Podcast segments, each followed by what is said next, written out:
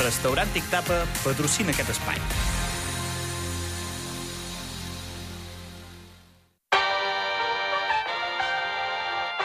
Zona Esports amb Joel Romero.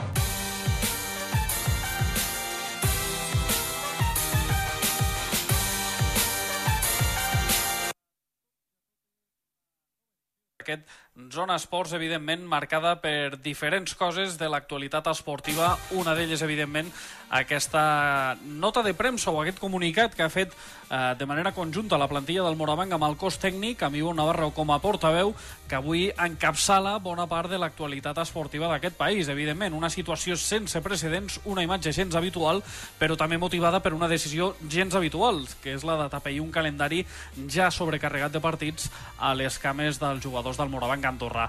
A banda d'això, parlarem de molts altres aspectes eh, de l'actualitat esportiva del país, com per exemple la situació que està visquent l'enfà femení, que de moment no ha començat gairebé la temporada, però aprofitarem també per repassar una miqueta amb el seu entrenador, el José Antonio Martín, com està anant la situació i com s'està visquent tot plegat en, en el vestidor. Més enllà d'això, també parlarem de motor, perquè s'ha iniciat el cap de setmana passat el Campionat d'Espanya de ral·lis de terra. Parlarem amb un dels pilots que hi va participar d'aquí del país, que és l'Àlex Espanyol. I per últim també repassarem com li han anat les coses a la delegació andorrana que va participar al Campionat d'Espanya infantil de patinatge sobre gel amb el director tècnic del club, en aquest cas el Daniel Peinado. Per tant, si us sembla, no perdem més temps i comencem! Zona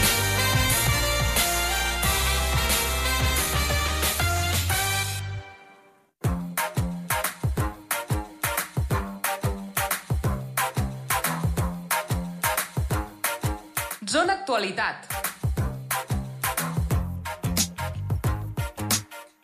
Ho he mencionat, eh? però us parla Joel Romero, acompanyat a les vies de so de tot un tècnic all-star com és Toni Escur. Eh, la veritat és que l'actualitat esportiva, evidentment, fa que avui m'hagi despistat potser una miqueta més, no? perquè avui hem viscut una d'aquelles situacions que feia temps que, que no es vivien. Jo, particularment, a nivell periodístic, crec que no havia viscut mai a, a les meves pròpies eh, mans, no? o a les meves pròpies cars, i és que avui la plantilla del Morabanc al complet ha decidit plantar-se, eh, o millor dit, ha decidit plantar cara a una decisió de l'ACB que en aquest cas són els 8 partits en 19 dies que, que ha administrat aquest organisme. Sobre això, avui n'ha parlat Ivonne Navarro. Nos resistimos a pensar que para esta competición lo más importante no es la propia competición y la salud de sus propios protagonistas. Jo penso que per ser per si, parla per si sol. En aquest cas, a, aquesta petita declaració d'Ivonne Navarro, evidentment es mostra molt contundent perquè, com bé dèiem, l'equip al complet ha emès un comunicat, amb Navarro com a portaveu. Després recordo que també aquest dilluns es queixés el director general Francesc Solana. Per posar-vos en context, l'equip viatja avui, o millor dit, ha viatjat aquesta tarda a Saragossa per jugar demà. Al cap de setmana ha d'anar fins a Santiago de Compostela sense passar per Andorra i dimarts vinent, tot això sense passar per Andorra, recalco, visita l'Unicaja de Màlaga i, evidentment, jugarà dijous vinent aquí a casa contra Fuenlabrada. Això que implica que Fuenlabrada arribarà abans a Andorra que el mateix Morabanc i, evidentment, que acumularan més de dues aproximadament uns 2.500 quilòmetres a les cames, la majoria d'ells en autobús, en un reguitzell de partits de quatre compromisos, a més importants, davant rivals, podríem fins i tot dir directes, a la lluita per entrar a la vuitena plaça, i evidentment eh, fins aquí. Això és el que ha dit el Morabanc Andorra, sobretot a la veu d'Ivon Navarro. Se nos pide que tras jugar estos tres partidos seguidos fuera de casa con sus correspondientes desplazamientos, volvamos a Andorra desde Málaga el miércoles a última hora de la noche para volver a jugar al día siguiente, jueves, contra Fuenlabrada. Es decir, jugaremos contra Unicaja el martes y en menos de 48 horas, viaje de por medio, volver a jugar un partido exigente. Navarro insisteix a endarrerir dos dies al final de la Lliga per encabir el partit contra Fuenlabrada, que està previst el 6 de maig, és a dir, el que demana bàsicament el Morabanc és que aquest partit es el 18 de maig. Únicamente pensando en la salud de nuestros jugadores, le dé al equipo la posibilidad de dormir y descansar el jueves después de haber tenido esta vorágine de partidos para afrontar los cinco partidos que aún habremos de jugar en nueve días a partir del 9 de mayo. I molts es demanaran per què ho demanen amb tant d'esma o per què fan tant d'èmfasi a demanar aquest canvi de calendari? Doncs precisament perquè el tècnic avui també ha recordat què és el que va passar al novembre amb el primer brot a la plantilla. Tras el confinamiento, aquella plantilla, al completo, tuvo que jugar 12 partidos en 31 días. Después de aquella vorágine de partidos, llegó la lesión de seis jugadores, cuatro de los cuales ya no volverán a jugar esta temporada. Doncs eh, aquestes eren les paraules d'Ivon Navarro, evidentment, eh, missatge més que contundent, eh? i a més eh, ja ho recalco que ha estat una d'aquelles imatges eh, del dia, amb tota la plantilla secundant el discurs d'Ivon Navarro, també els membres del cos tècnic, no únicament eh, David Eudal i Paco Vázquez, els dos entrenadors ajudants, sinó que fins i tot el mateix delegat, el Checho Bermudo, també estava present en aquesta roda de premsa. Sobre això, precisament, sobre tota aquesta adaptació que haurà de viure el Morabanc en aquests 19 dies, n'ha parlat també l'entrenador ajudant, precisament, David Eudal. Sabem que, que no podem donar moltíssima informació als jugadors perquè cada dos dies han d'estar canviant el xip i, i reconcentrant-se i el que hem de fer és optimitzar al màxim els recursos que tenim, eh, aprofitar bé el temps que tenim per entrenar, el temps que tenim per descansar doncs, evidentment, aquestes eren les paraules de David Eudal. Jo crec que molt conscient de que difícilment eh, l'ACB rectifiqui en aquesta decisió, tot i que clama al cel, clama al cel perdó, eh, que és evident que alguna cosa s'hauria de fer al respecte i, evidentment, algú es demanarà què n'opinen els jugadors de tot plegat. Doncs sobre això n'ha parlat Sergi Garcia.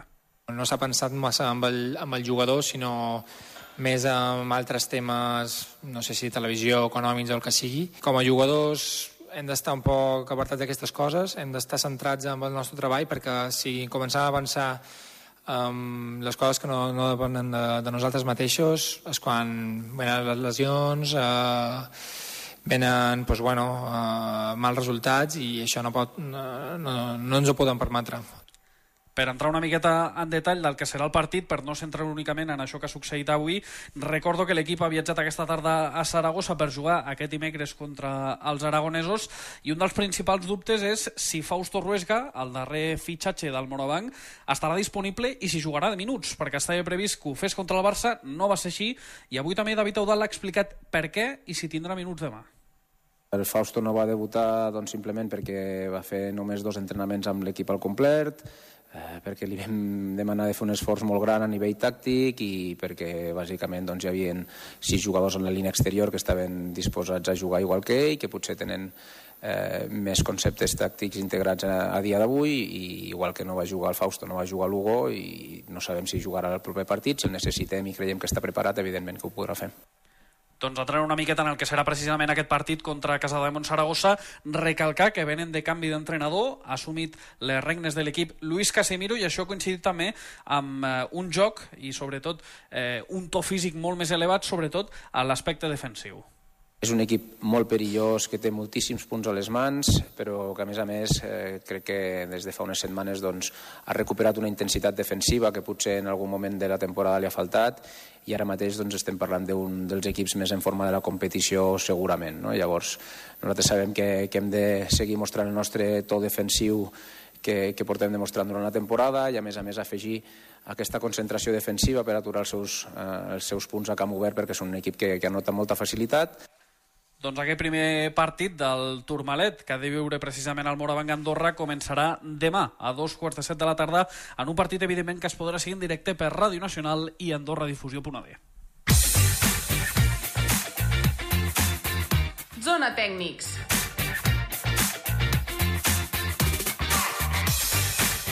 Doncs mencionàvem a l'inici que, evidentment, fins i tot quan les coses no surten tal com s'esperaven o fins i tot quan les coses no surten bé, nosaltres, evidentment, també volem conèixer les opinions dels protagonistes. I això és una miqueta el que li està succeint a l'enfat femení aquesta temporada, que no acaba d'arrencar, que no acaba de trobar més que el joc els resultats, i per això ja ens escolta el seu tècnic, José Antonio Martín. Guti, molt bona nit. Hola, bona nit, Joel.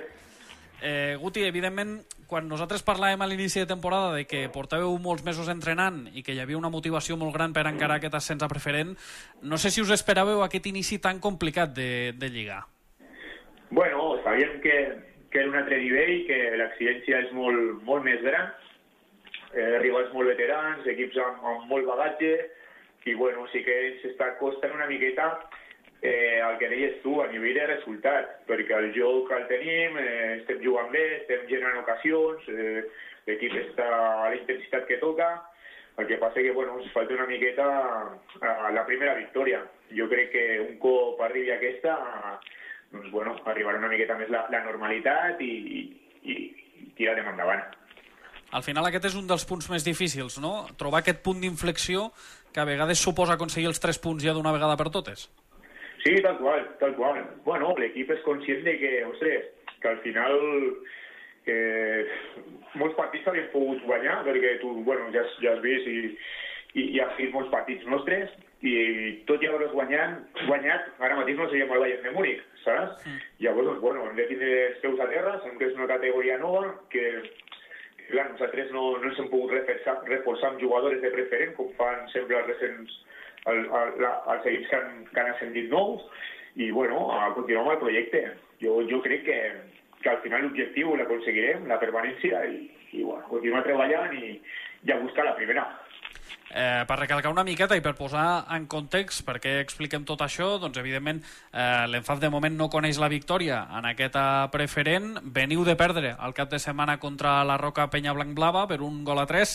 A més, en un partit segurament contra un dels rivals que està cridat, no sé si a pujar, però com a mínim és un dels forts de, de la categoria. Sí, tal qual. A part, a nivell de calendari, doncs, bueno, hem jugat contra equips de dalt. La Roca és, és un equipat, jugadores molt veteranes, jugadores, jugadores que moltes són inclús de, de categories superiors, que venen de categories superiors, i bueno, l'equip dissabte va estar molt bé, va competir, eh, vam estar vivets fins, fins al final. Sí que és veritat que una miqueta han pagat els, els 10 dies de confinament de tot l'equip, el fet de no poder entrenar, d'aplaçar tres partits, doncs bueno, tot això a nivell de condició física se'ns ha notat una miquetona, però bueno, ara ja la setmana passada ja, ja vam entrenar tot l'equip al complet i, i bueno, ara a, a recuperar sensacions. Sí, perquè a vosaltres us ha coincidit diversos confinaments, no? Tant sigui per vostre eh, com per dels equips rivals. Sí, tal qual. Tenim tres, tres partits pendents i, i bueno, eh, s'haurem de jugar abans de, de que finalitzi la Lliga, s'haurem de posar d'acord amb, amb l'altre equip i, bueno, són tres partits allà que, bueno, que, que tenim allà la màniga també per, per anar sumant. Eh, jo, Guti, m'agradaria demanar-te una miqueta per, per analitzar què és el que li pot estar passant a l'equip. Jo, a títol personal, el que he trobat a faltar segurament és un punt de concentració no? en algun dels partits, perquè he vist molts gols que venien d'errades, eh, amb perdó la paraula, però molt tontes, no? o molt innocents, si volem dir-ho així. També s'explica, suposo, per la joventut de les jugadores. Jo, des del teu punt de vista d'entrenador, de, no sé com ho has vist. Eh, si haguéssim de fer una miqueta d'autocrítica, què és el que em diries?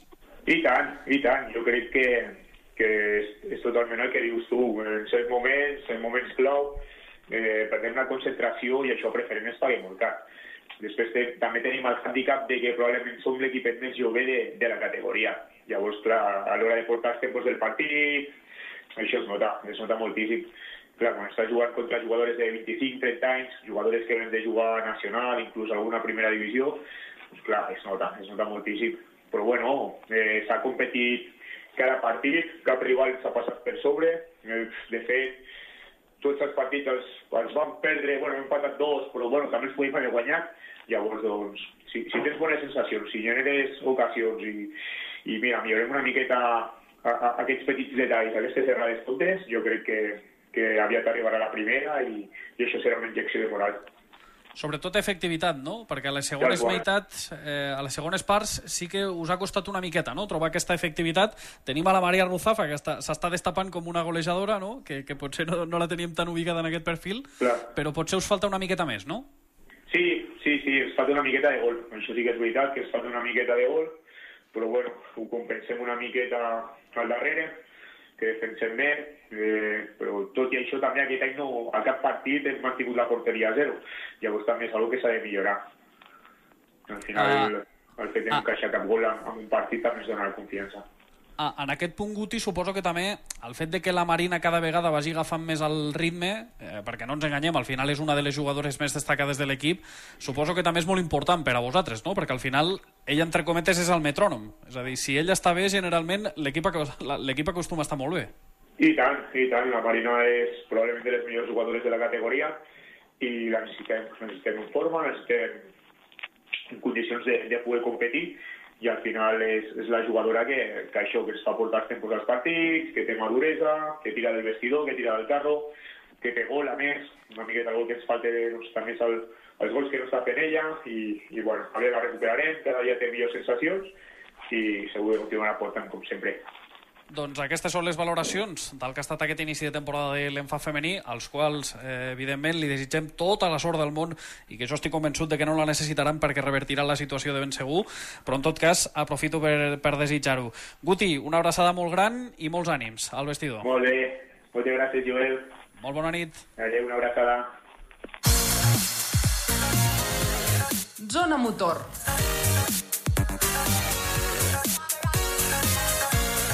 Doncs ara parlarem amb un dels protagonistes que ens ha deixat el cap de setmana. A més, a títol particular em fa força il·lusió perquè em sembla que la seva primera entrevista, com a mínim a la ràdio, li va fer un servidor, així que és un plaer tornar-lo a tenir a les zones radiofòniques de Ràdio Nacional i ja ens escolta un altre que no és Àlex Espanyol. Molt bona nit.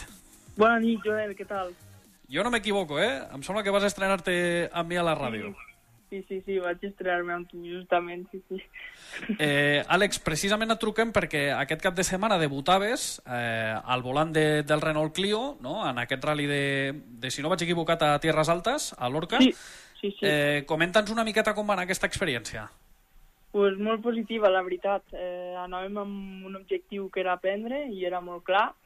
Eh, sabíem que hav- s'havia d'acabar el rally, i, però òbviament eh, no anàvem a fer un gran resultat, sinó que, que l'objectiu sobretot era aprendre. I bueno, amb el nivell que hi havia dos, dos rodes motrius de eh, campions d'Espanya, eh, nois que, que corren l'europeu, pues, eh, molt, amb molta il·lusió poder, poder fer una cinquena plaça i, i molt bé. Eh, hi havia 40 equips de dos rodes motrius i vam poder fer una bona feina a part d'aprendre i millorar com a pilot. Eh, Cito, pre precisament ara mencionaves això, és a dir, l'objectiu era aprendre, però al final quedes cinquè de 40, és a dir, que tampoc està gens malament. No, no, no, no, no està gens malament. Eh, sí que és veritat que, que s'havia fet una feina prèvia molt gran. Amb l'Àlex Bercianos havíem fet mo molta cosa i, i la veritat és que va ser una sorpresa que, que pogués quedar i acabar el rally amb una cinquena posició, amb un rally tan llarg i de ta, com et dic, de tant nivell i molt ràpid, però, però bueno, al final, si treballes dur el, i tal, pues al final el trabajo supera el talento, no sé com, com dir-ho, però... però... Eh, mo molt de mèrit, evidentment, també té, també té el Leite, el copilot, el Claudi Ribeiro, evidentment que t'acompanya al volant del, del Renault Clio. Aquesta prova encetava la Copa d'Espanya de ral·lis de, de terra. Jo no sé, Cito, si tu tens previst, eh, com a mínim, seguir bona part del calendari o anirà una miqueta en funció de, també de la teva disponibilitat? Sí, bueno, eh, vam fer un canvi, de, un canvi radical d'objectius d'aquesta temporada. Finalment eh, participarem amb tota la Copa Espanya de ral·lis de terra Mm? i bueno, farem... Aquest l'objectiu és aquest, fer lo, lo màxim de la Copa Espanya de terra i alguns ral·lis d'asfalt per, per no oblidar l'asfalt, també és molt important. Però sí, l'objectiu d'aquest any serà aquest. Jo, jo sempre t'ho demano, eh? però si tu t'haguessis de triar una disciplina, què triaries?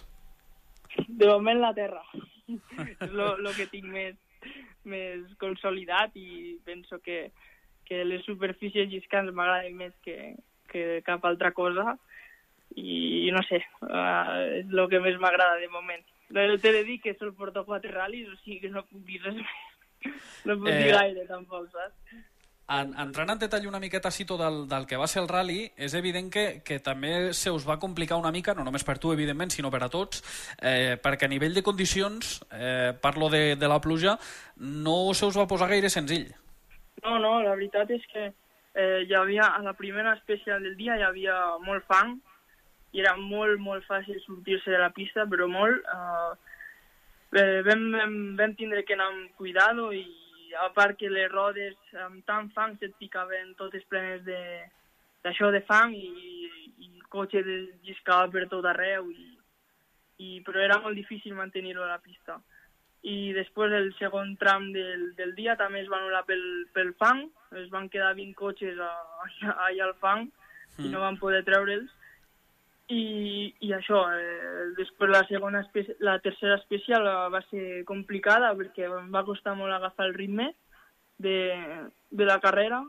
Eh, També em va vindre una mica sorpresa, saps? De, plan, vam estar dues hores parats eh, i, i, bueno, una mica entre la novatada i, i el fang i tot això, pues, va costar una mica costar el, eh, buscar el ritme de la carrera.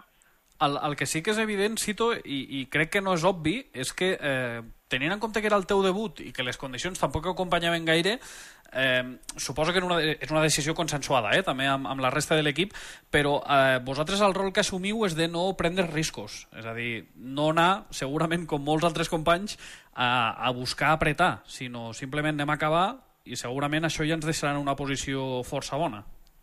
Sí, òbviament sabíem que, que seria un rally bastant al descarte. Eh, era el, el primer rally del Nacional, eh, sabíem que la gent aniria a atacar molt, sobretot a la primera especial. Eh, la gent va atacar molt i, i, i alguns es van sortir, Mm? però, però òbviament quedaven 40, saps? I aquests 40 no es van sortir, però, però molt content, molt content.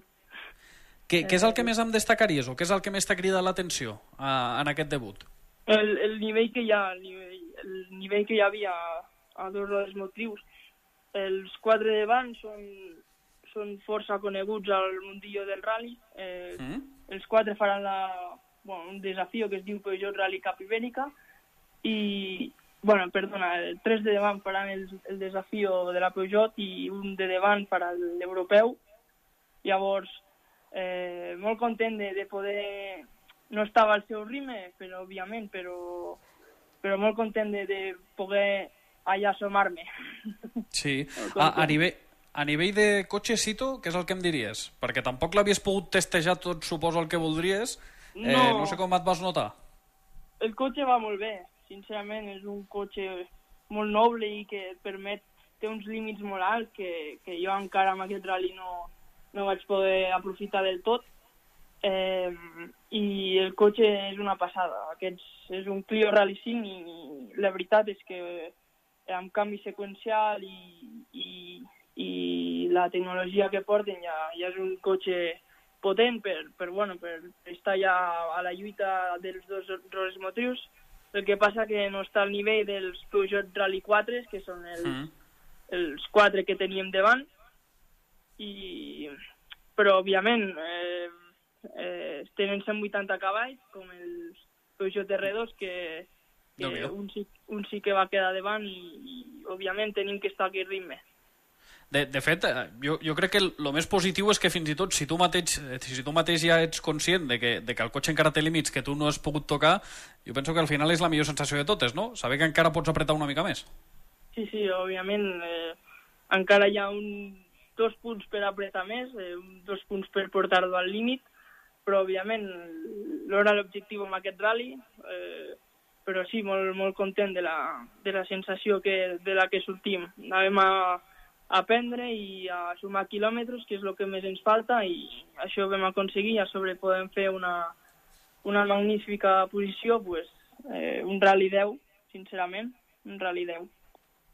Uh, ara us toca, si no vaig equivocat, Corunya, no? Però no sé si abans de Corunya tens, tens alguna prova prevista o ja directament te'n vas al juny? Eh, no, eh, tenim ara aquest, aquest cap de setmana sortirem al Rally de Valls, que és aquí mm -hmm. a Tarragona, eh, per testejar una mica l'asfalt també el i testejar el cotxe també, que serà un rally disputat també, el que passa no, no anem a, anem a aprendre, tot, sobretot també, aquest és un any d'aprendre, i, i sí, farem, a, farem aquest rally a, i després ja el, a, a Corunya. Eh, jo recordo quan vaig parlar amb tu, ara fa uns, uns mesos, eh, que mencionaves el tema del volant RAC. Jo no sé si és un projecte que com ha quedat, perquè mencionaves tu ara que fins i tot vau variar una miqueta els objectius a, a principi de temporada. Com està ara mateix la situació? Sí, bé, vam canviar tot l'objectiu del volant RAC, vam canviar. Eh, veiem que, que seria mm, per la nostra situació i, i per tot seria com perdre un any. Eh, Mhm. Vam decidir al final que, que no i pujar, un- fer un pas més endavant i pujar una, una categoria més endavant. com és el campionat d'Espanya i, i això hem fet. Eh, vam veure que el volant RAC, pues, entre que hi haurien pocs participants per això del Covid i tot això ens va fer prendre aquesta decisió. Lo, la darrera que et fai, suposo que satisfet amb el canvi, no? Perquè jo, jo sé que tu ets un, un, un tio ambiciós ja de mena, eh, però evidentment sempre anaves molt prudent, ara que sembla finalment que, que ja t'has acabat de decidir, no? És a dir, que l'ambició ja no només és ambició, sinó que realment ja vas d'una vegada per totes a, a, per lo, a per als objectius. Sí, sí, òbviament. Tocava ja anar per algun objectiu i, i eh, molt content de fer, de fer aquest gran pas. Eh, la veritat és que molt content i, gràcies a, a Baiban i a l'Automòbil Club que m'ajuden sempre i, i a tots els que m'envolten per fer-ho fer possible també. Doncs, eh, Àlex, com sempre ha estat un plaer parlar amb tu, t'anirem seguint en, en properes cites i, evidentment, desitjar-te tota la sort del món de cara al Rally de Valls i també a, a Corunya, que serà un dels grans objectius. Sí, moltes gràcies, Joel, eh? moltes gràcies per la trucada. Que vagi molt bé, Cito, bona nit. Adéu. Bona nit.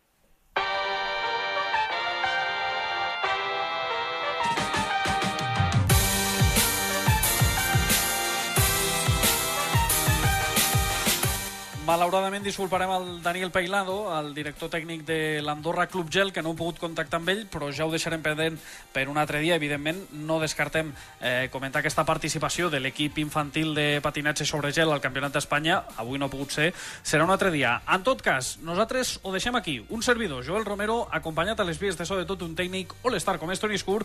Que passeu molt bona nit. Fins aviat.